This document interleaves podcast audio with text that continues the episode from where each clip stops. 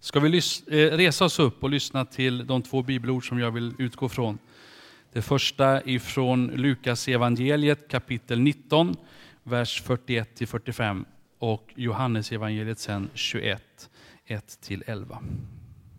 När Jesus kom närmare och såg staden brast han i gråt över den och sa, tänk om du idag hade förstått, också du, vad som ger dig verklig frid. Men nu är det dolt för dina ögon. Ty det ska komma dagar över dig när dina fiender kastar upp en belägringsfall runt omkring dig och ansätter dig från alla håll. De ska slå dig och dina barn till marken därför att, och ska inte lämna kvar sten på sten, därför du inte förstod den tid då Herren besökte dig. Har jag skrivit fel ser jag. Kastade om. Nästa dag hade stora eh, skaror kommit till högtiden. När de fick höra att Jesus var på väg in i staden så tog de palmblad och gick ut för att möta honom. Hosianna, välsignad var det han som kommer i Herrens namn, han som är Israels konung. Och Jesus fann ett åsneföl och satte upp sig på det, som det står skrivet, frukta inte du Sions dotter, se din konung kommer till dig ridande på ett åsneföl. Hans lärjungar förstod inte detta från början, men när Jesus hade blivit förhärligad kom de ihåg just detta, att det var skrivet om honom och, att han, och vad man hade gjort med honom. Och folkskaran frågade, vem är han? Ska vi be än en gång tillsammans. Herre, tack för ditt eget ord. Tack för tillfället, tack för budskapet. I Jesu namn.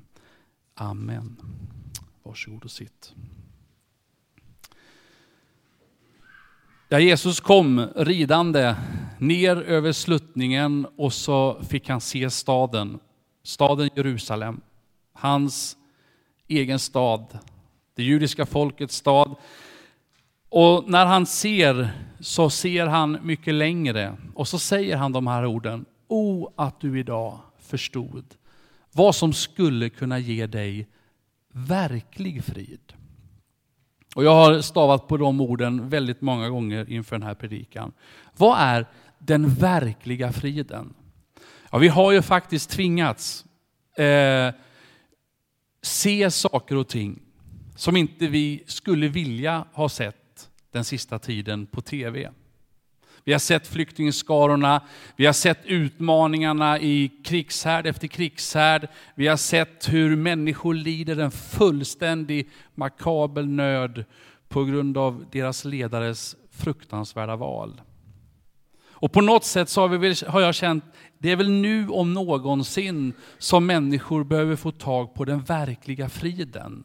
Friden som inte på något sätt ruckas av omständigheter, utan som är mycket djupare förankrad. Verkligheten i budskapet. Och så kan man ju ställa sig frågan, men vad är det då som ger den verkliga friden? Ja, ytligt sett så till en början kan man ju tänka att det är allt det där runt omkring. Det är hälsa, det är eh, arbete, det är ekonomi, eh, någonstans att bo, och så möter du människor som lider nöd och förstår du att det är väldigt triviala, grundläggande mänskliga behov av att vara, ha mat och äta, någonstans att sova och där man inte fryser. Men så vet man ju att det där kan ju vara förändligt. En del av de där sakerna kan ju inte jag påverka själv. Och då är jag väldigt glad över, som kristen, att finna min tro, min frid i någonting som är betydligt mer solitt än någonting sådant. Jag är tacksam för allt det andra, men jag bygger inte den verkliga friden. Jag kommer aldrig någonsin fullt ut att kunna uppleva den verkliga friden om det är inte så att jag förankrar den i någonting som är större än mig själv och någonting som är oföränderligt. Och det är min första punkt till dig. Jag hoppas att du har upplevt den verkliga friden. För när vi står inför livets utmaningar, när vi står inför faktiskt en av vår, vår tids absolut största utmaningar med den flyktingvåg som kommer in över Europa inte minst. så är det ju rätt att oroa sig. Det är inte så konstigt att man oroar sig och tänker hur blir det för mig och allt det här. Och då tror jag som sagt att för mig är det otroligt viktigt att förstå att min frid ligger i någonting som är oföränderligt, i Gud. För sen kommer ju, när han rider där, så kommer, där citerar han bibelordet, uttalade flera hundratals år innan. Att han skulle göra det här, att han skulle sätta sig på ett åsneföl, att han skulle rida ner. Och det är det som folket förstår när han kommer ridande. Se, din konung kommer till dig. Se. Det där fantastiska ordet där man på något sätt fäst din blick på någonting annat. Det finns ju ganska mycket som vill ta vår uppmärksamhet, som vill ta våra ögon ifrån det verkliga. Men budskapet är så tydligt, budskapet är så klart. Se, din konung kommer till dig. Och det där på något sätt får ju perspektiven att på något sätt inte riktigt når fram. Att konungen själv kommer till mig. Det borde ju vara, ofta är det precis tvärtom, att man söker audiens hos kungen och på något sätt får komma.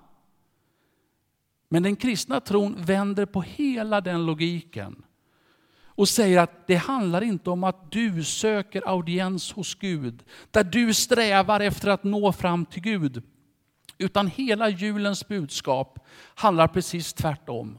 Det är Gud som kommer till dig. Rakt in i din vardag, rakt in i, din, eh, i ditt liv så kan du få uppleva att konungen själv kommer. Och det stod att han kommer ödmjukt. Traditionen bjöd att kungen skulle komma på den vita hästen, riktigt med hela härskaran skulle han rida triumferande in i staden. Där vände Jesus på logiken totalt och så sätter han sig på åsnefölet. Och av de 46 år jag har levt och de år som jag har levt som vuxen så har jag haft förmånen att få möta en del riktigt intressanta personer.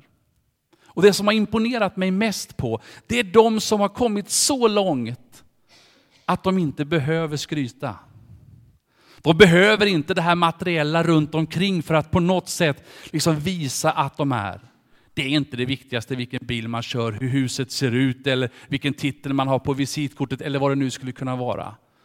Utan få möta de här människorna som är så trygga i sig själv. Och nog är det någonting åt det hållet som Jesus gör när han sätter sig på åsnefölet. Han om någon, Gud själv, skulle ju kunna imponera på vilket sätt som helst. Men hans sätt var inte att imponera, för han kommer ödmjukt. Han kommer fullt medveten om vem han är. Fullt medveten av kraft och auktoritet som han har, så behöver han inte de där yttre attributen för att folk ändå skulle känna igen honom som konung. Och så berättar Bibeln för oss att advent på något sätt lyfter perspektivet, för det handlar om att faktiskt en tvådelad ankomst. På det här sättet så kommer Jesus inridande in i Jerusalem. Men från samma berg där han nu rider ner, säger Bibeln att han ska komma igen. Det som Bibeln kallar tidens avslutning, det som oftast brukar kallas tidens akopalyps. Där på något sätt, när tiden ska på något sätt summeras. Och det som är det fascinerande när man tänker på den bibliska sanningen, när man läser Bibelns böcker om tidens avslutning, så förstår man att det är bra nära nu. Budskapet om att han en gång ska komma tillbaka, då för andra gången, när han ska komma till samma berg, det är riktigt nära. Det är riktigt nära. Och budskapet om det, det är just det där att på något sätt få tag i tryggheten.